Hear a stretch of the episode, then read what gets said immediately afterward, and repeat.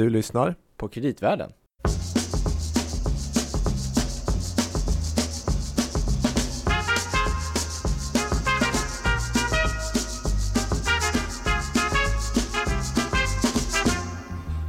Ja du Louie, Ja du Gabriel. vi gillar ju det här med kriser.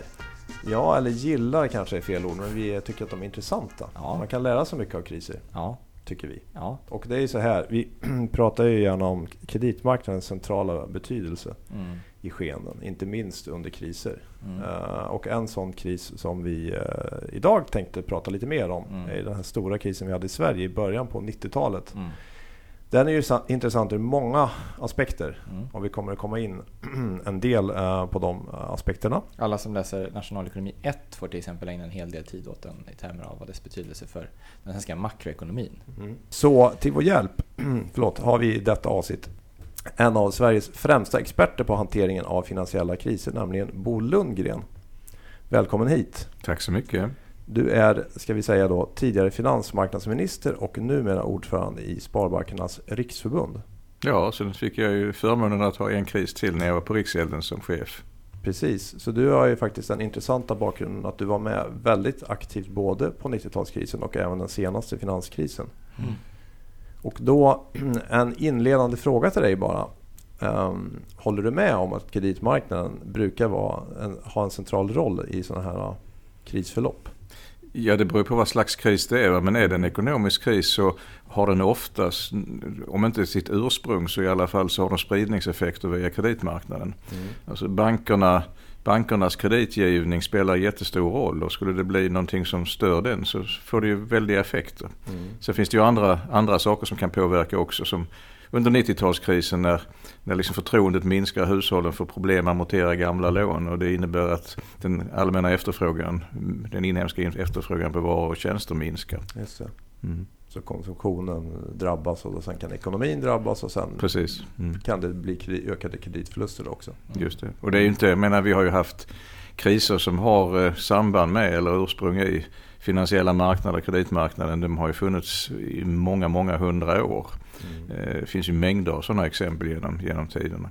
Och tumregeln är väl att en finansiell kris eh, i regel ger betydligt mer långtgående effekter på den reala ekonomin också än andra kriser som har mer reala eh, ursprung. Ja, så kan man väl säga. Mm. Men om vi, om vi ger oss in här och pratar om den här 90-talskrisen då. Ehm, om vi börjar med lite grann bakgrunden. Vi får gå tillbaka till 80-talet. Håller du Precis. med om det? Ja, det var ju då, det var då krisen grundlades. Alltså det är ju samma sak som en bilolycka. När krisen väl är ett faktum genom att en, en bubbla, en tillgångsbubbla brister. Så är det ju när bubblan har blåsts upp. Det är ju då krisen har sitt ursprung egentligen. Och Så var det i Sverige. Det var ju 80-talet efter den så kallade novemberrevolutionen 1985. med Avregleringen av kreditmarknaden. Det var ju då saker och ting satte igång. Just det. Men jag tänkte redan om man backar tillbaka ännu mer till början på 80-talet så gjorde man ju, det gjorde man i och för sig på 70-talet, men man gjorde flera devalveringar som var ganska rejäla. Det bidrog ju till att vi hade en överhettning i ekonomin. Ja. Det var ju en av de faktorer. Alltså man gjorde ju den stora efter det att borgerliga regeringar hade devalverat mer defensivt. För att liksom hantera ständiga liksom konkurrenskraftsnackdelar man fick genom stiga, stigande kostnader i svenskt näringsliv. Så gjorde man defensiva devalveringar. Sen eh, bestämde ju Erik Åsbrink, för det var ju han som var en av de drivande i det sammanhanget, Eh, även om Feldt var finansminister, att man skulle göra en stor jumbo-devalvering. Man hade ju tänkt sig tror jag 20% från början men det blev 16 till slut. Och det var ju i ett läge när vi inte hade någon kraftfull konkurrensnackdel. Utan det var ju tänkt att man skulle slippa vidta ordentliga åtgärder i att reformera sättet som ekonomin fungerade. Istället kickstarta den med en sån här eh, devalvering. Man skulle kickstarta ekonomin. Precis. Och det här var 1982. Det var 1982, direkt efter valet 1982 så hade man förberett detta och så satte man det i sjön. Mm. Och eh, ja, det ledde ju till en överhettning. Jag menar vi fick eh, våldsam bra utveckling i industrin, kunde sälja mycket mer. Lönerna började stiga, man fick inte bukt med inflationen, ingen eftervård. Så den här stora devalveringen skapade ju den överhettning som sagt som, som i grunden var en av förutsättningarna för att det skulle smälla sen efter det att man avreglerade kreditmarknaden. Men det här med att man avreglerade kreditmarknaden. För att rätta mig om jag har fel, men 80-talet var väl en period både i Sverige och utomlands då det skedde ganska mycket avregleringar på kapitalmarknaden generellt. Och det, kom en det del... var ju för sent i Sverige. Ja, vi var ändå sent ute. Så det var gamla regleringar från egentligen andra världskriget som låg kvar länge i Sverige. Mm. Överhuvudtaget så, så alltså vi fick ett skifte i det sättet på vilket politik bedrevs någon gång i slutet på 60-talet. Eh, dels avstod man från, eh, från, från, att göra de här avregleringarna tidigare när de hade bort komma. Mm. Men dessutom var det ju så att att eh, Gunnar Sträng mer eller mindre tvang, skulle jag gissa, att lägga på hyllan tankar på att göra en bra skattereform och istället så började man ju höja marginalskatten. Alltså en mängd mm. saker gick fel och 70-80-talen blev rent generellt förlorade decennier i svensk ekonomi. Men, bara för att liksom, ha någonting att hålla sig vilka typer av regleringar var det som fanns och som också var väldigt aktiva på till exempel 70-talet. För man begränsade till exempel bankerna vilken typ av lån de kunde ge, eller hur? Alltså det var, alltså kreditmarknadsregleringen var ju sån att eh, Riksbanken bestämde hur mycket bankerna fick låna ut. Mm. Och det de gjorde var att inom den ramen administrera vad som kunde komma ut till låntagare av ena eller andra slaget. Mm. Och ett av skälen till att man då gjorde, tvingades göra en avreglering som kommer då alldeles för sent. Det var ju att det ledde till en grå lånemarknad vid sidan om den vanliga. Och någonstans menade man att det fanns inget behov längre av kreditmarknadsregleringarna. Det var så, så kallade finansbolag som lånade ut pengar? Det var finansbolag av olika slag som ja. gjorde det. Mm. Med kopplingar till bankerna i, de flesta fall. Och det, idag brukar man kalla det så shadow banking och det här skulle kunna sägas också vara en sorts shadow banking ja. som låg utan, mindre reglerat. Ja det var ju inte reglerat alls. Nej. Om inte man liksom var en bank så var man ingen bank.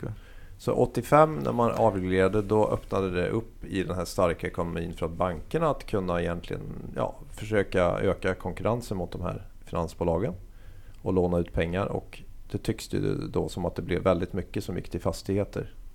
Alltså det, det, är ju rätt naturligt. Alltså, tänk, miljön var, var då sån att man hade till följd av superdevalveringen 82 fått en överhettning i ekonomin. Mm. Den överhettningen ledde till att man inte kunde hålla nere inflationstrycket. Vi hade en rätt hög inflation. Mm. Eh, man hade haft en situation där bankerna var så reglerade att de behövde egentligen inte ha någon kompetens vad gäller riskhantering eller motsvarande. Mm. Eh, en liten anekdot. Jag satt själv i Bank Paribas Sverige styrelse som, eh, när de startade sitt bolag i Sverige mm. Eh, som offentlig representant. Mm. Och vi hade besök av den dåvarande chefen för Bankinspektionen, Hans Löwbeer. Hans enda fråga till styrelsen när vi åt lunch, mm. det var var sätter allmänheten in pengar? Det viktigaste för inspektionen var alltså att det, som, det som gällde för att få lov att vara bank var ju att allmänheten skulle ha rätt att sätta in pengar på konto. Mm. Och det ställde han frågor om, men ingenting om riskhantering, ingenting om andra bedömningar som hade med kreditgivning och risker att göra överhuvudtaget. Mm. Så att vi hade en dålig tillsyn. Ja. Eh, bankerna inkompetenta därför att man inte hade jobbat på det viset innan. Inspektionen inkompetent. Hög inflation. Du kan låna obegränsat. Mm. Det är rätt spännande då att eh, om man ser värdetillväxt i fastigheter att låna pengar, ha en ränteavdragsvärde på 50 procent och så sätter den här bubblan igång och blåsas upp, vilket skedde då under... För skattemässigt för konsumenterna så var det ju väldigt gynnsamt att låna då, att man fick dra av den här kostnaden. Man hade visserligen fått en ränteavdragsbegränsning, för man hade ju fortfarande full beskattning av ränteinkomster, så det var en asymmetri. Mm. Men ändå var ju avdragsvärdet 50 procent. Så att om du räknade med, säg att du räknade med att vi hade en inflation på säg 10 procent. Mm. Och så hade du en ränta du fick betala på 12 procent. Mm. Men efter avdrag var räntan 6 procent. Om du hade en värdetillväxt minst i linje med inflationen så var det ju att göra en vinst varje år. Mm. Kalkylen för de här spekulanterna och även för vanliga fastighets, vanliga villaägare var ju rätt given. Ja, nästan hela 80-talet så var väl reala räntor helt enkelt väldigt låga. Precis. Ja. Mm. Ska vi lyssna på ett klipp där Gabriel? Jag tror att vi har spelat det i något gammalt avsnitt men det är ändå värt att lyssna på en gång till, är det inte det? Visst, Lite tid, tidsandan. Mm. Nu ska vi se till att det blir lätt att låna klöver Vi i Enkla banken ger dig snabbt det du behöver Titta bara in till oss och säg vad du vill ha Vi har gott om pengar och vi säger gärna ja Båtlån till exempel eller lån till nya poolen Längtar du till Bali och den härligt varma solen Självklart ska du låna det du saknar hos din bank Lånar du hos småbolagen kan du lätt bli pank. Låna hos oss, låna hos oss. Låna hos Götabanken, låna hos oss. Låna hos oss. glada 80-talet. Vi ska väl bara säga att det här är inte en direkt uppmaning från oss. Nej, Nej, absolut inte. viktigt att konstatera. Nej, och för Gota, som det sen kommer att heta, blev det ju så att man förlorar 37 procent av sin, sin kreditvolym. Mm. Något av ett rekord nästan. Ja, bortsett från Tomelilla Sparbank nere i Skåne som 1990 förlorade mer än 60 procent. Vi hoppas att ingen slår det rekordet. Det får vi verkligen hoppas. Men det här Ja. är då när bankerna har börjat konkurrera med de här finansbolagen till exempel om Mm. de här volymerna som uppkommit. Mm. Men för att det rullar på här, men sen 89 va, då gör man nya skatteförändringar som lite grann börjar vända på utvecklingen och att det blir Ja, vi fick ju räntor. från det, det parti som jag representerade i politiken då Mm. så fick vi ju gehör för, eh, ja, jag har inte haft representerat något annat parti heller för den delen. Men vi fick gehör för att marginalskatterna måste sänkas. Mm. Och vi, det är faktiskt så att ett moderat förslag var att man skulle ha en enhetlig beskattning av kapitalinkomster så att man skulle ha 30 procents eh, in beskattning av kapitalinkomster och motsvarande avdragsvärde. Så att plötsligt blir det dyrare att låna. Eh, Så att det var en faktor bakom det som hände. Men rent generellt alla sådana här bubblor som är ohållbara när man, när man liksom köper fastigheter där det inte finns ett kassaflöde som kan täcka det så, så får man ju prisjusteringar. Så bubblan hade brustit oavsett vilket. Det. Men det här Ja. sätter ju det Det mycket snabbare. Eh, trigger på något vis. Plus att vi hade, vi hade ju en valutareglering som låg kvar det. till 1989. Mm. Och det gjorde ju att man kunde bara om man ville spekulera, spekulera i svenska fastigheter, för de allra flesta i alla fall. Mm. Eh, Men när man plötsligt fick fritt fram och kunna gå ut utanför gränserna så minskade trycket lite i Sverige och det bidrog också till att det började bli en... Var det också för att man ville spara till att man skulle investerare i Sverige skulle spara i svenska statsobligationer för att hjälpa till? Alltså rent generellt, det var ju så att vi hade ju en krigsreglerad ekonomi ända fram till 85 och i viss mån som sagt till 89. Och de effekterna kom ju. Alltså det, det är förvånansvärt egentligen att, att ingen reagerade så starkt. Utan och förvånansvärt att de som regerade inte, inte hade liksom förstånd att se det. Mm. Och då kan man säga i den här miljön nu så blev, började det bli lite svårare för kanske framförallt initialt finansbolagen att finansiera sig. Vi hade ju fått de här nya instrumenten, de här certifikaten som kom på 80-talet. Mm. Och jag förstår att det här finansbolaget Nyckeln då, det blev dramatik och man brukar prata om att det var startskottet på finanskrisen här 25 september 1990 när de inte kunde göra en sån här certifikatupplåning och sedermera behövde börsstoppas. Ja, de lämnade in nyckeln kan man säga. Ja, Helt och hållet, alltså, eller slängde den i sjön. ja. Men eh, ja, det, det är ju rätt naturligt. Du lånar alltså kort Mm. eh, och så ska du omsätta de här lånen hela tiden och det går ju bra så länge någon är beredd att låna ut till dig. Ja. 3, 6, 9, 12 månader. Någonting i den stilen ja. Det varierade ju i löptiderna men det var väldigt korta löptider. Och fick, kunde du inte låna, vad skulle du göra då? tunn soliditet och inte några så Så det- säga, för- livlinor. Nej precis, alltså, jag menar det var ju en kombination av den likviditetskrisen för bakom den fanns ju också en, det som var en ren solvenskris därför att man, man hade ju inga värden i tillgångarna man hade belånat som motsvarade eh, uthållet det här. Man hade Ja, ingen avkastningsvärdering, man hade inga kassaflöden. Eh, Man, man gick helt och hållet på att värdena fortsatte att stiga. Mm. Och när det blev då ett litet fall då... Då hände det andra saker. Solvens. För, för, att sig, för nörda ner sig lite så var det väl så att nyckeln berättade för sin, de banker som stod liksom bakom de här certifikaten och hjä- hjälpte investerarna om det skulle vara så och berättade att det fanns lite kreditförluster. Då blev bankerna oroliga. Såklart. Så, mm, Såklart. så kunde man inte refinansiera de här certifikaten. Men då var det initialt, det var de här, även det fanns något som hette Independent och även Gamlestaden tror jag var Mm. någon sån här finansbolag. Och i princip alla de fick väl problem i den här Det kan man nog säga. vändan. Ja. Det var ju då Erik Penser blev känd. Extra känd kan man säga. Precis. Men sen då 91, för att det här nu liksom rullar det på och det blir så att säga värre och värre och konjunkturen viker ner. Och vi har ju dessutom val så att så småningom kommer ju bland annat du i regeringen och det är väl på hösten 91 då som Mm. tar vid så att säga. Och då har vi direkt, vi har de här första Sparbanken och Nordbanken då som nu börjar få ökade kreditförluster. Ja, Och det- det- det- här är att de har växt väldigt mycket under de senaste åren då, helt båda de eller? De banker som drabbades hårdast i den här krisen det var ju de banker som ville vara med bland de stora och som gick ifrån sina egna ska sunda, gick från sunda affärsprinciper. Första Sparbanken, Stockholm-Göteborg, de hade ju blivit en väldigt stor gemensam bank och de tog väldigt stora risker och gick ut på fastighetsmarknaden. Vi hade Nordbanken ville liksom visa att Även om staten ägde 80 procent, för man hade gjort den första delprivatiseringen av Nordbanken. Men det var ju ändå så att staten ägde 80 procent. Och det var nog så att eh, regeringen ville gärna att Nordbanken skulle visa sig lika bra som de privatägda bankerna. Det. Och Gota Bank, ja även Gota Bank var ju också lite en uppstickare och var beredd liksom kanske att ta de risker. Så när de etablerade bankerna låg tidigt i säkerheterna så lånade de ut på toppen och det var ju där förlusterna kom Just mest. Just det. Och det var de som visade sig sen Ja. få störst förluster. Men så att de, där, vad som händer då 91 är att då båda de bankerna här tar in, tar in nytt kapital och staten som du säger tar över ägandet först delvis och sen helt. Man, man vet ju aldrig, alltså man kan säga att man tittar, man vet ju aldrig riktigt hur stor en finanskris är och hur, hur djup den kommer att bli. Om man går fram till 2008 så i maj, tror jag det var 2008, jag var själv över på Valutafonden och pratade om svensk bankkrishantering. För det hade ju redan börjat hända saker i USA. Men Valutafonden gjorde ändå bedömningen i maj 2008 att eh, det var egentligen bara en volym som skulle kunna hanteras lätt av de finansiella marknaderna i USA. Det skulle inte få några spridningseffekter.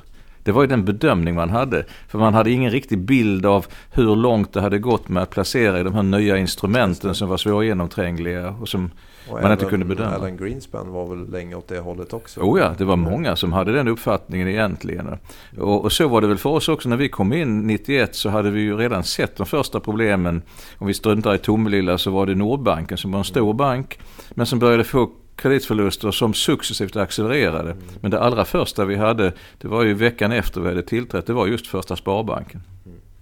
Just det. Mm. Och sen 92 då, då var det också det här med Gota. Eh, då, Ja, det accelererade. Vi kunde ju se, alltså, man kan säga hösten 91 fick vi jobba med första Sparbanken och hantera den. Vi hade testade först om det var så att man kunde släppa den men konstaterade att den, spelade, den var så stor att det gick inte att göra annat än att vi fick eh, rädda den och ta hand om insättarna. Det fanns ingen insättningsgaranti på den tiden heller. Och dessutom var det ju så att, jag kommer inte ihåg siffrorna exakt, men man hade en ganska stor kort upplåning i, i utländsk valuta. Och även ha- hade Gota gått, eller hade Första Sparbanken gått i konkurs så hade ju både Gota och för den delen SEB och Handelsbanken fått problem med sin utländska funding. Just det. Så att vi var tvungna att göra någonting. Så efter vi hade haft Första Sparbanken så satte vi oss ner och diskuterade på Finansdepartementet. Vad ska vi nu, hur, ska vi nu, hur ska vi se det här? Vad kommer att hända? Vad kan vi dra för lärdomar? Vad som hade hänt i USA tidigare? USA på 30-talet. Och, och det i sin tur ledde ju fram till att vi började få liksom en tanke kring hur vi skulle hantera Nordbanken. Och insikten successivt under framförallt våren 92 att eh, alla banker skulle mer eller mindre drabbas. Så då började vi jobba med den plan som sen sattes i sjön i september 92. Och även den här idén som kom så småningom att man skulle dela, stycka av då de dåliga lånen och sätta dem i ett speciellt bolag. Den kom också från USA från början den idén så att säga, eller? Ja, det, det, den, den kom därifrån liksom alltså i bankkrisen 1932 i USA. Så var det den eh, Herbert Hoovers finansminister Ogden Mills föreslog hur man skulle kategorisera och analysera, analysera banker och kategorisera dem efter överlevnadsgrad. Och de kategorierna A, B och C var ungefär de som vi använde oss också av när vi försökte analysera svenska banker. Det är ganska intressant att Ja, faktiskt alltså. ta Det fin- lärdom av varandra. Och sen i senaste finanskrisen så ville de veta vad vi hade gjort på 90-talet. Så det går lite fram och Jo, tillbaka. precis. Nej, men det, det, det gjordes en hel del sådana saker och eh, vi, vi insåg ju som sagt att, att när det här har börjat rulla och när, när säkerhetsvärdena går ner och bankerna får sina problem så kommer hela det svenska banksystemet, vi var inne i en systemkris alltså. Det var inte en Nordbankenkris eller en Första Sparbankenkris utan det var en total bankkris i Sverige som vi fick börja förbereda hur vi skulle hantera den. Och Och ett, ett, en del när man kom in i det var ju det här att dela upp en bank. När vi väl kom in i ett läge när vi skulle ta hand om den. Så att två ledningar kunde jobba med att dels ta hand om det överlevnadsbara delen och se till att den faktiskt kunde överleva på ett bra sätt. Och det andra att, eh, att krossa krediter är väl fel att säga men ändå ta hand om de dåliga krediterna och få ut så mycket som möjligt av dem. Ja, det Eh, handlar om att försöka få pengar. Ja, la man det sam, om, om samma ledning skulle göra bägge de sakerna skulle det vara svårt att fokusera. Och jag, jag, ett, en av de kritikpunkter jag har mot engelska regeringens sätt att hantera senaste krisen är ju att de aldrig gjorde detta med Royal Bank of Scotland. Det. RBS, hade man delat upp det från början så hade antagligen värdet varit mycket bättre idag. Man hade kunnat hantera krisen snabbare. Och även är det väl så att i och med att man gjorde den här bolagsuppdelningen och lät så att säga den här återhämtningen av de dåliga lånen ta tid så undvek man ju att sälja när marknaden var på botten. Ja, det, var ju så, det fanns ju regler som innebar att banker fick inte behålla säkerheter man tog in i banken på grund av kreditförluster. fick man inte behålla hur länge som helst. Så det var ju en väldigt stor risk om vi inte hade dels gjort så här men också varit beredda att ändra lagstiftningen att man skulle fått en väldigt snabb, snabb utförsäljning av fastigheter som ytterligare skulle dragit ner värdena. Exakt. Och det, det var ett, ett sätt att kunna hantera det. Man skulle vara en bank, man skulle inte vara ett fastighetsbolag. Så då var det, ja, det, var ju det, som var, det var det som var tanken innan. Liksom, va? Men, men här, här gällde det ju liksom att tänka igenom. För här var det, det som av Nordbanken blev kvar var ju en överlevnadsbar del och sen var det i Securum de krediterna som inte klarade sig då, som fick hanteras. Sen gick det snabbare än vi hade räknat med. Mm. Och då pratar vi ändå om att fastighetspriserna på kommersiella fastigheter föll med någonting med 50 procent och i vissa fall över det i ja. områden. Hur? Så det är ju ändå kraftiga fall. Det var väldigt kraftiga fall. Men, Men det här du pratar om att man såg att det var en systemkris. Det slutade alltså med att man gav en garanti egentligen till alla bankernas upplåning? Eller? Ja, vi funderade så vi började ju när vi såg, kan man säga under, under våren 92 att det här skulle verkligen ta en ända med förskräckelse. Mm. Därför vi såg hur kreditförlusterna växte i Nordbanken som vi ju ägde. Och för att hantera Nordbanken hade vi ju då köpt in de 20% av aktierna som hade privatiserats. Mm. För på det viset så behövde vi inte ta annan hänsyn än till staten själv som ägare. Ja, och när man ser Nordbankens portfölj utvecklas så utgår man ifrån att de andra bankerna har ungefär liknande portföljer. Mm. Eh, sen varierade ju kvalitet, där Handelsbanken hade bäst kvalitet då. Men det varierade ju över tid i kvalitet. Mm. Eh, och det i sin tur gav ju en bild av att vi måste göra någonting för hela banksystemet. Eh, förr eller senare kommer liksom förtroendet att kollapsa. Mm. För det, det, det, är ju en förtroendefråga. Mm. För kollapsar förtroendet för bankerna så får de ingen funding. De kan inte driva sin verksamhet. Kreditförsörjningen kommer att, eh, kommer att fungera, om vi uttrycker det milt, dåligt. Mm. Credit crunch. Mm. Eh, så att vi förberedde då det som sen kom att sättas i sjön, jag tror det var den 23 september 92. Mm. När plötsligt man såg att bo, bolånemarknaden, alltså för, eh, bokrediterna började liksom vackla ordentligt. Att obligationerna kunde inte omsättas. Eh, spredarna steg rejält. Mm. Eh, då insåg vi att det var dags att sätta den i sjön. Mm. Och vi hade ju inga andra instrument så att idén var att lämna en garanti för alla fordringsägare på svenska banker, både insättare och även andra fordringsägare. Att de inte skulle lida några förluster. Och kan man säga där så här i efterhand, var det någonstans lite vändpunkten? Uh, att det liksom återskapade förtroendet efter det? Eller det ja, hade, man förtroende, tid, men... hade man förtroende för svenska staten så hade man ju också förtroende för att uh, ingen skulle förlora pengar. Det var ju det som var viktigt. Vi hade jag själv Urban Bäckström och Stefan Ingves som ju var finansmarknadschef mm. på, mm. på, i finansdepartementet åkte ju runt och berättade Mm. Jag hörde berättas om... Även utomlands? Alltså, ja, ja, det var i New York och eh, träffade de där finansvalparna som inte alls var sådana som Göran Persson har försökt beskriva dem. Eh, utan som de var ju inte 25-åriga slynglar? Nej, det var 30-åriga trevliga personer. Både män och kvinnor för den delen. Nej, men de visste ju vad som hände. Det, var ju inte, det fanns ju en kris i Japan också. Mm. Vi var ju inte alldeles isolerade. Norge hade sitt problem, Finland hade sitt problem. Så att Nej men det, det det gällde där var att förklara vad den här garantin innebar och att man, man, man hade förtroende för den. Och när det väl fungerade så, fanns, så fick, vi, fick vi den delen avklarad. Men sen gällde det ju att hantera bankerna. För att bara lägga en garanti och inte vidta åtgärder skulle ju innebära att bankerna kunde fortsätta att låna och göra större förluster. Ja. Så vi hade ju ett helt paket där vi banker kunde gå in och begära att få statligt stöd mot vissa, i vissa förutsättningar.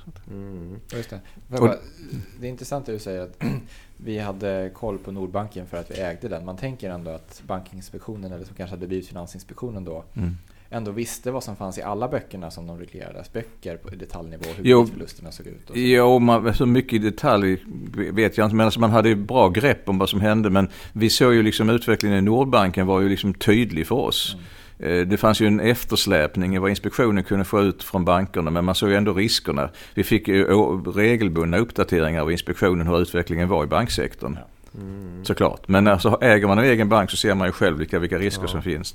Men sen så säger jag så också för att den här hösten 92 var väldigt dramatisk. Så att sen senare på hösten så tvingas ju Riksbanken då till slut efter den här räntan på 500% och så vidare släppa försvaret av kronan som flyter fritt.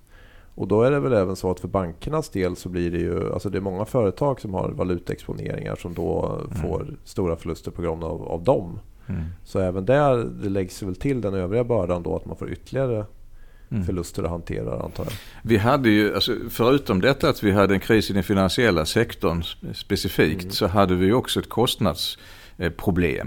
Eh, I efterhand har man gjort beräkningar som visar att den svenska kronan var övervärderad med 15 procent eftersom vi hade haft inflation under 80-talet. Man dre- drev ju en ekonomisk politik som gav den effekten, superdevalveringen och annat.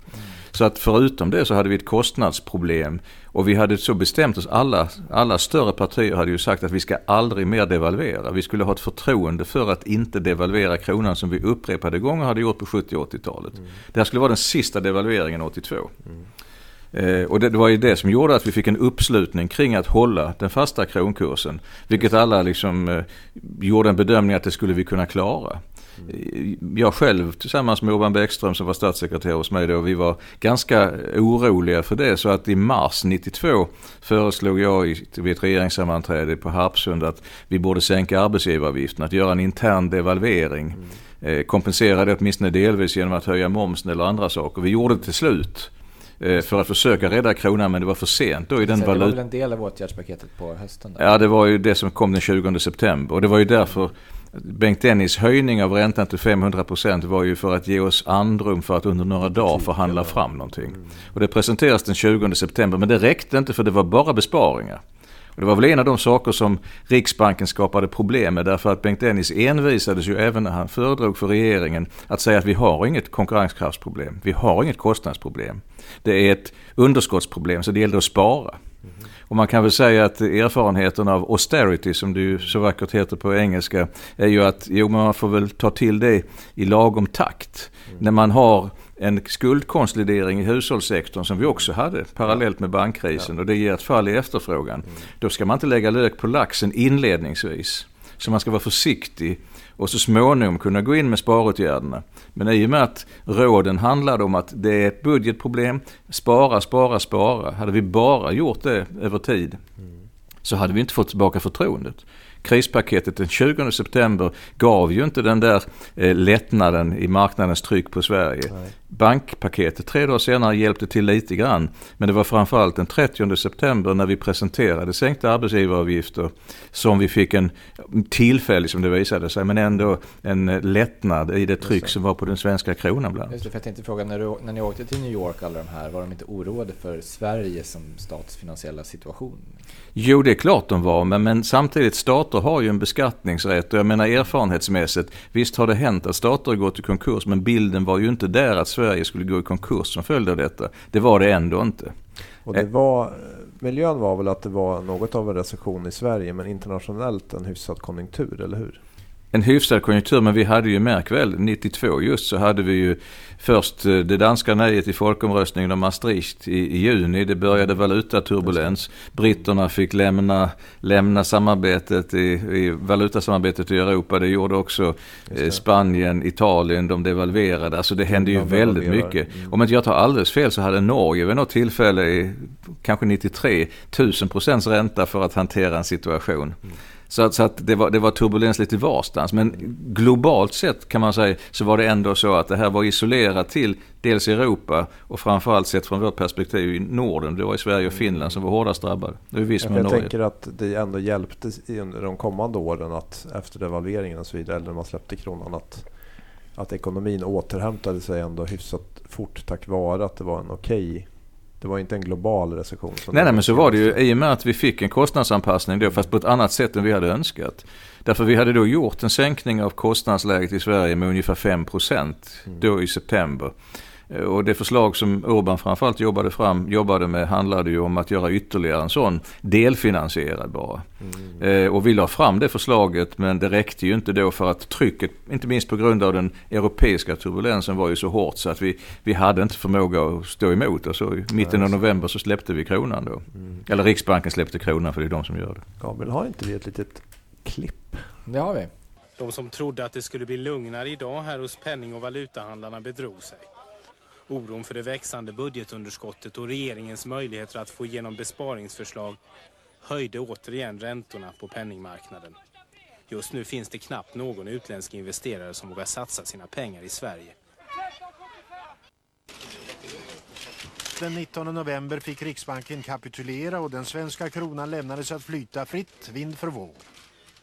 I eftermiddag bedömde vi möjligheten att lyckas som så liten att vi gav upp. Man ska inte av envishet, halsstarrighet eller prestige hålla i längre än som är motiverat. Nu flyter alltså den svenska kronans kurs. Det är inte längre politiker och riksbank som bestämmer dess värde. I praktiken en devalvering. Vilket är ditt skräckscenario för den närmaste framtiden? Att inflationsförväntningarna på nytt blir stora. Att inflationen och kostnadsutvecklingen skenar iväg. Att därmed produktivitetstillväxten faller tillbaka och därmed slår tillbaka på tillväxt, sysselsättning, inkomster och välfärd. Det är ett skräckscenario som alla som har pratat för rörlig växelkurs ska ta och begrunda ikväll när de lägger sig. Det är ord och inga visor från Bengt Dennis där på slutet. Ja. Sen hade han ju fel. Men det är en annan sak. Ja, precis. Det var ett skräckscenario då. Nej men det var, det var som sagt lite bekymmersamt. Alltså därför att eh, Eh, jag, jag, som sagt, som jag, om man går tillbaka i tiden, alltså just eh, envisheten från Riksbanken är att säga att det bara handlade om att vi hade ett underskott eh, som skulle hanteras. Och vi hade ett underskott som då följde av att man betalade tillbaka gamla 80-talslån i hushållen. Det var framförallt det. Bankkrisen var ju mindre eh, rent makroekonomiskt jämfört med det här.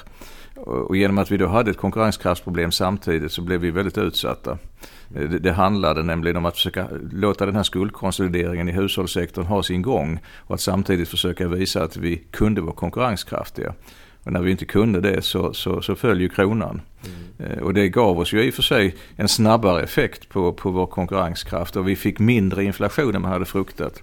Men det var ju ändå så att Riksbanken höll uppe den så kallade marginalräntan som man hade då på ett sätt som eh, i ett läge när man har tillgångsdeflation, när tillgångspriserna har minskat så kraftfullt var alldeles fel. Det fördröjde ju återhämtningen lite grann. Ja, men det är rätt att säga också att det var låg arbetslöshet i Sverige innan den här krisen inträffade. Sen så gick den upp väldigt mycket. Och det har väl tagit lång tid att... Men så är det. Alltså när man har, men det var ju en justering kan man säga. Den, alltså den, den arbetslöshet vi hade när vi gick in i krisen var ju en arbetslöshet som var väldigt låg därför att vi hade en ekonomi där det spenderades mer pengar än vi hade. Att det privata sparandet var ju negativt. Alltså om man tittar på vad som hände, vi hade ett negativt privat sparande men mellan 1990 och 1993 så ökade det privata sparandet genom att man amorterade gamla lån kraftfullt. Och då ökade det offentliga underskottet i motsvarande mån. Det är kommunicerande kärl. Eh, och så det, det var ofrånkomligt. Och samtidigt så får man ju den här effekten. Det som också ger att vi får offentliga underskott det är ju att fler blir arbetslösa. Men de jobben var ju inte uthålliga därför att de betalade vi med lånade pengar som vi inte hade. Just det. Men det är ändå intressant att under den här väldigt turbulenta och tuffa perioden så verkar det ju då som att ni lyckades. Alltså det var stora politiska överenskommelser om ganska mycket. Fram till kronan föll för att vi Ja. gjorde ju ett sista försök men eh, jag menar, det förstår jag i och för sig att Socialdemokraterna inte kunde göra ytterligare en uppgörelse i det läget. Och det. om det hade hjälpt vet jag inte. Det var så våldsamt stort tryck på kronan. Men det verkar ju som att utomlands ifrån att man uppfattade att Sverige ändå, att man liksom det var stabilt politiskt och att man vidtog kraftfulla åtgärder och så vidare. Att det måste väl ändå ha hjälpt till rätt mycket att upprätthålla förtroendet eller återskapa det? Ja, det tror jag. att man, Sverige har ju en tradition att kunna göra sådana saker i, i krislägen. Och, men jag tror att i än högre grad så kom ju så småningom det som skedde efter själva den akuta krisen att, att bli ett kännetecken för, för eh, hur Sverige kunde fungera. Nämligen att vi kunde göra många reformer över blockgränserna. Vi hade ju redan börjat fundera kring budgetfrågan. Anne Wibble som var finansminister hade ju tagit initiativ till att se över hur man skulle kunna strama upp budgetreglerna och det blev vi ju överens om hur man skulle hantera. Vi hade börjat jobba med pensionssidan för att få liksom en Ska vi säga någon slags black box, what comes in goes out, varken mer eller mindre. Medan andra länder ju fortfarande har pensionssystem idag som är ohållbara lite långsiktigt. Vi ser ju på Grekland för att ta ett exempel som är näraliggande. Så att det hände en del sådana saker som jag tror framförallt var de som sen gav credibility för Sverige. Kan man säga att krisen lite grann möjliggjorde de här stora greppen då, som vi har nytta av? Då? Men så är det ju. Jag menar, Göran Persson fullföljde, vi började med en budgetsanering. Eh, Det, det, så är inte bilden riktigt, men vi gjorde ett antal besparingar. Bland annat så la jag själv förslag om att eh, de, eh, de räntesubventioner till bostadsbyggande som var 2% av BNP, att de successivt eliminerades över tid. Mm. Så att det var rätt stora besparingar och Göran Persson fullföljer den politiken. Mm. Så att eh, han ska ju också naturligtvis ha kredit, kredit för det. Mm. Eh, men, men eh, reformerna sammantaget, vi, vi hade en bred överenskommelse om det mesta stora förändringarna som jag tror spelade väldigt stor roll. Sen, ja. Ja. Eh, det ledde också till bland annat till Eh, Riksbanken till slut blev självständig och alla de förändringar som gjordes på penningpolitikens område. Även om det var att vi försökte ju med det. Jag hade ju riksbankslagstiftningen så att eh, vi hade ju en utredning då som föreslog självständig riksbank 93 var det väl. Lindbeckkommissionen då eller nej? Nej, det var, ju, det var ju då att vi skulle göra det själv innan vi hade trycket på oss från, från den europeiska eh, anslutningen som vi hade. Men då sa Socialdemokraterna nej. Man ville gärna fortfarande kunna manipulera penningpolitiken om man uttrycker det så. Men sen blev vi överens eh, om det var 97-98 någon gång. Det var konvergenskrav och de ekonomiska kraven som ställdes om EU-medlemskapet. Mm. Men sen, jag tänkte apropå då att du sen fick komma och presentera i USA och så vidare vad vi gjorde så säger man ju efterhand att det som de räddningsinsatser som man satt in mot banker och så vidare på den tiden att det var väldigt lyckat och då om jag summerar det ungefär så här att en sammanfattning är att de recept, eller det receptet man ska ha är bred politisk enighet så att man, ja, investerare och så vidare känner förtroende för att det kommer inte ändras. Det ska vara snabba och kraftfulla åtgärder som de ska vara liksom tillräckligt stora för att man ska tro att det räcker. Man ska vara öppen och transparent med vad man gör så att alla kan se och man ska då om det behövs etablera sina avvecklingsenheter. Är det ungefär de Ja, sakerna. det är det. Så jag menar det förhoppningsvis, alltså, kan man få parlamentarisk enighet så är det väldigt bra. Mm. Vårt bankpaket, det började ju fungera omedelbart vi presenterade det därför att det hade stöd av Socialdemokraterna. Eh, och det dröjde ett par månader innan riksdagen tog det formella beslutet men det fick ändå effekt direkt. Mm. Och det där var ju någonting som var väldigt bra. Att vi kunde ha en sån, sån, så kan man inte alltid ha det. Men då måste man ändå jobba från de andra utgångspunkterna. Det vill säga att man ska vara väldigt tydlig med och korrekt med, det, med det, hur det gäller. Man ska vara transparent och inte dölja någonting. Det. Det, det typiska exemplet på hur det här har gått snett i Europa det är ju när Greklandskrisen väl visar sig och det var väl många som misstänkte att det kunde vara som det visade sig vara. Mm. Men, men då bestämde sig ju Sarkozy och Merkel för att nej, vi ska nog inte låta Grekland skriva ner eh, sin skuld även om alla insåg att det var nödvändigt. Därför det skulle ju slå in på de institut som hade skaffat sig grekiska obligationer. Och de, hade de det på balansräkningar skulle ju de urholkas och det var inte minst tyska och franska banker som hade många grekiska obligationer. Mm. Eh, hade man istället varit tydlig och sagt all right, de kan inte betala för sig. Låt grekerna skriva ner skulden med 50%. Bankerna får ta smällen och sen får ägarna eller det offentliga och i så fall eventuellt ta över banker och gå in. Då hade vi haft ett mer fungerande, bättre fungerande banksystem också och Grekland hade klarat sig bättre. Men man såg väl de politiska svårigheterna? Ja men det är det jag menar. Alltså att man tenderar ju att kunna förlora val om man hanterar kriser därför att även om man inte själv inte har ställt till det, bara själva hanterandet är ju rätt jobbigt. Mm. Eh, men om man är, har ett ansvar som inte bara handlar om att vinna val utan också åstadkomma någonting mm. så kanske man ska göra det. Och det, det, det som Merkel och Sarkozy framförallt då ägnade sig att göra på ett felaktigt sätt. Det har kostat europeiska ekonomi en hel del. Mm. Men det visar just det här med transparent öppenhet. Alla visste ju nämligen. De säger nej men de, vi kan ge lite överbryggningslån så kommer grekerna att klara sig. Det var ju ingen som trodde på det. Nej. Och finns det, ingen, finns det ingen tro till det man gör, tilltro till det man gör, ja då, då får det ju samma effekt för kreditgivningen exempelvis. Den bank som satt med grekiska statsobligationer. Den bankens ledning visste ju att de satt på någonting som faktiskt var mindre värt mm. än vad det egentligen nominellt stod på dem. Mm. Och alla kreditgivare visste det. Mm. Bankerna blev restriktiva ändå med kreditgivningen. Och de hade svårare att göra sin, för sin funding. Men det antar jag är generellt vad gäller sådana här stöd att det är den avvägningen också att förtroendet ska upprätthållas men samtidigt vill man markera att det ska finnas en sorts den här moral hazard att har man tagit risk så ska man ta sig svars för den risken man har tagit, eller hur? Ja det håller jag med om alltså, men det är en balansgång när du har systemkriser. Alltså det, menar, man säger nu exempelvis att bankerna, nu ska skattebetalare aldrig gå in. Det, det tror jag är nonsens. Får vi systemkriser tvingas nog staten gripa in ändå och hantera saker och ting. Det, det, det, går inte bara att lämna det åt sidan.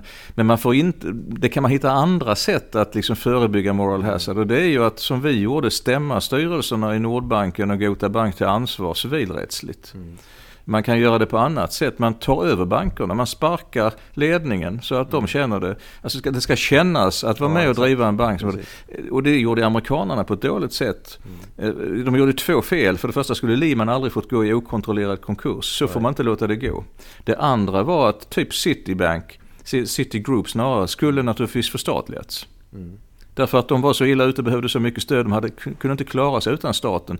Eh, I USA så har ju bankernas ledningar och ägare bilden av att ja, men de kommer ju att gripa in och lösa problemen åt oss.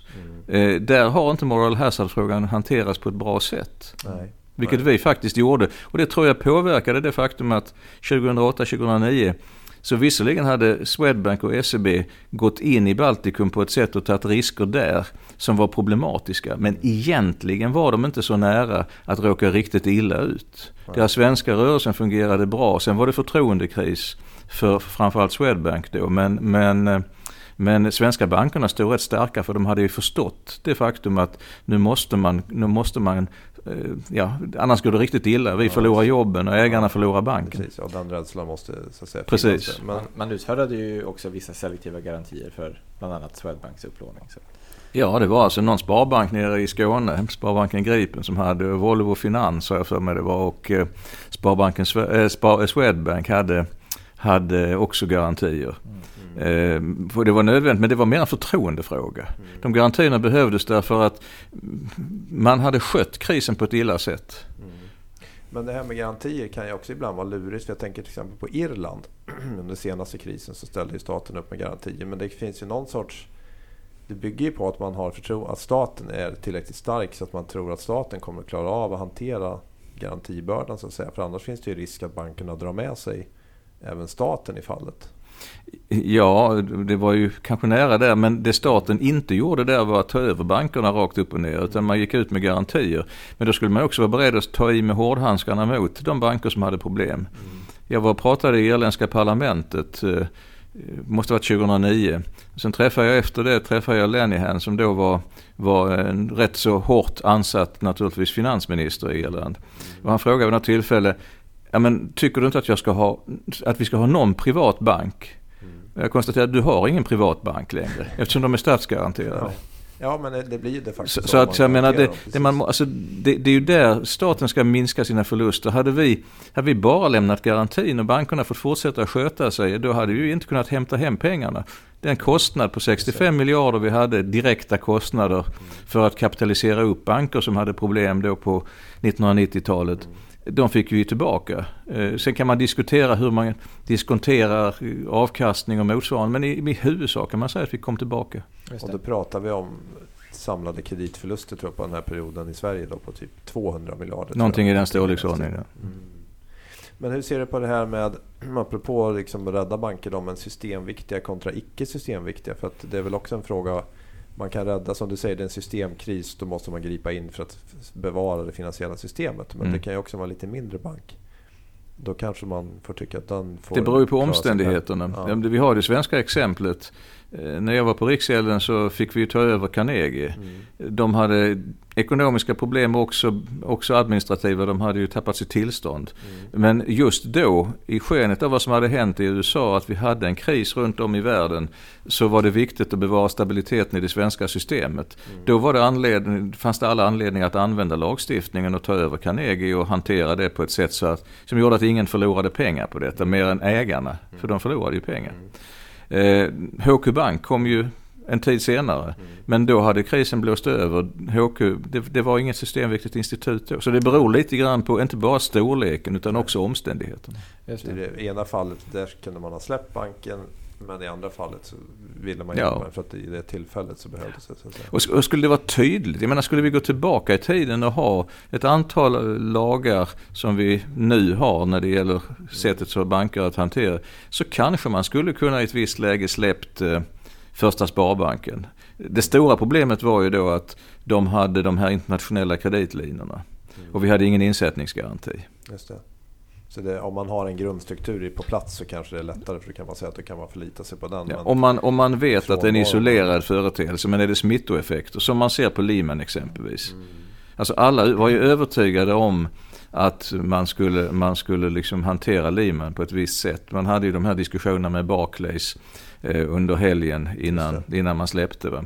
Men, men man ser ju sen också vilka, inte bara amerikanska, utan vilka globala effekter det blev när man gör ett misstag i hanteringen. Ja, det kan det. kosta, komma att kosta Extremt mycket. mer även om man tycker att det är rätt åtgärd i sig så Ja. blir priset för högt att betala. Så Ja, man kunde tagit över Lehman och hanterat den på det viset. Ja, men för vi- du, du nämnde de här nya regleringarna, för där gör man ju väldigt tydlig skillnad mellan de som är stora och ska lösas upp på ett liksom ordnat sätt och de som man inte behöver göra det på i förväg. Mm. Men alltså det, det är ju två olika, alltså, om det är en enskild bank så, så det är alldeles uppenbart, här är det en bank som har problem.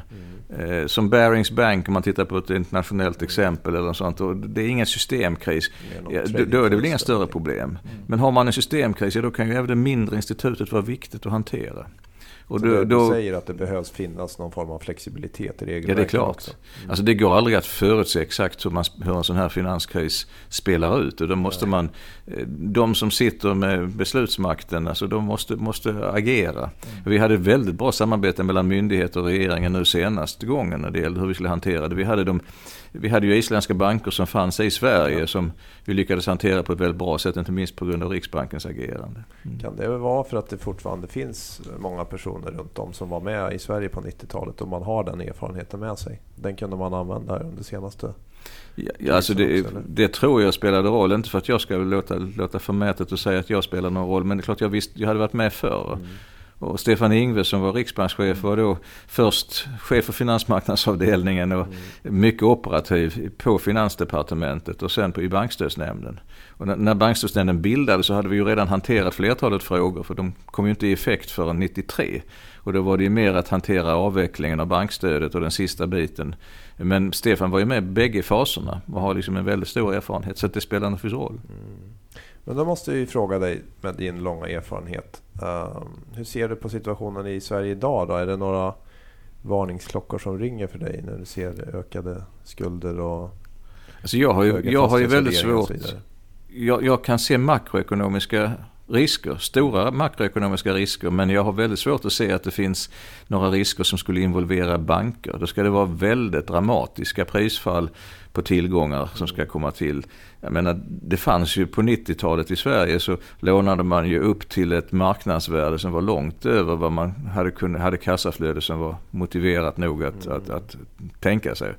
Nu, nu har ju alla banker en försiktighet, delvis att Därför att regleringarna säger det, men delvis därför att man har självbevarelsedrift har insett att man måste ha det. Man har en riskkunskap och riskmedvetenhet medvetenhet som är helt annorlunda. Men det, men det är självklart bara en sån sak som att räntorna stiger och vi har en hög privat skuldsättning så kommer ju utrymmet att konsumera att minska som en följd av det. Eh, och sen är ju frågan hur, hur snabbt räntorna går upp, hur mycket hushållen hinner anpassa sig hur mycket man har lagt undan. Vad det här får för effekt. Men visst finns det risk för att vi kan få ett efterfrågebortfall i svensk ekonomi som leder till låg tillväxt och möjligen till och med negativ tillväxt även om jag inte tror det. Mm. Växande skuggbanksektor? Ja, det, delvis, delvis kan det spela roll också. Va? Men jag, jag tror ändå inte att de problemen är så stora. För jag tror inte att man, än så länge tror jag att man även där vet ungefär vilka risker man ska ta. Men jag är lite bekymrad. Det finns en, jag är lite bekymrad för att man har en växande sektor utanför den reglerade. Mm. För att någonstans finns det också alltid en, som vi konstaterade i den tidigare diskussionen, det finns alltid en koppling mellan de två. På ett eller annat sätt finns det det. Ja. Mm. Ja du Gabriel, Mm. Det är mycket att fundera på. Vi har lärt oss mycket idag. Jag känner att vi har i alla fall gjort en koppling mellan Ja. dagens situation eh, och historien. Det har vi. Mm. Extremt intressant att ha det här Bo. Och vem vet, du kanske kommer åter någon gång i framtiden. Mm. Helst utan några kriser. Även om jag måste, inte vara en ny kris. jag måste erkänna att eh, det är stimulerande att jobba med kriser. Mm. Sen önskar jag mig inte kris i alla fall. Nej, men man lär sig mycket. Man lär sig mycket och framförallt jag kommer ihåg att på Riksgälden hade vi den bästa medarbetarundersökningen när folk hade som mest att göra med krisen nu senast. Man kanske känner en, en känsla av eh, meningsfullhet. Jag tror det. Mm. Och det blir också billigare. Man behöver inte skicka folk på kurser utan de kan bara sitta och jobba istället. För det här Okej. Precis. Ja. Ja. Ehm, med de orden tänkte jag säga att eh, ni som lyssnar behöver ju inte gå några kurser för ni har ju kreditvärden. Det stämmer. Mm. Och som avslutning Gabriel, Mm. ska vi lyssna på någon liten 80-talsinspirerad låt? Just det, för att liksom komma i rätt stämning tänker Ja. jag inför Precis, nästa bevara bubbla stämning. som ska byggas. Nej. Nostalgi, inte annat. det kan vi göra Louis. Eh, Landeman Gabriel Bergin, sa vi inte i början, vi jobbar på Danske Bank och Markets. det här är kreditvärden som ni hittar där poddar finns såklart och vill ni gå in och skriva någonting om vad ni tycker om det vi gör på Twitter eller i iTunes så är vi glada för det. Och slutligen, Ja, sista bonusspecial, Ja. så ska vi lotta ut en bok, Mm. eller hur Gabriel? vilken bok då? Det finns en speciell bok som är skriven av Bo Lundgren. Och den heter eh, När bubblan brast. Just det. Har det Den- någonting med det vi pratat om idag att göra? Eller? Eh, en hel del. Ja. De som vill veta mer och vill eh, vinna den här boken, vad ska de göra Gabriel? ja, jag tycker att vi gör det enkelt. Man får helt enkelt skriva varför man tycker att det var intressant att lyssna på dagens avsnitt i, eh, på Twitter enklast, för det är det vi kan följa. Så gör det eh, och dela med era följare varför Mm. ni tycker att det här var intressant. Så kan ni vinna den här boken. Yesbox. Mycket läsvärd. Nu till nostalgin. Ja, Hej hej! hej! 80-talet Vad kunde gå snett? Vad kunde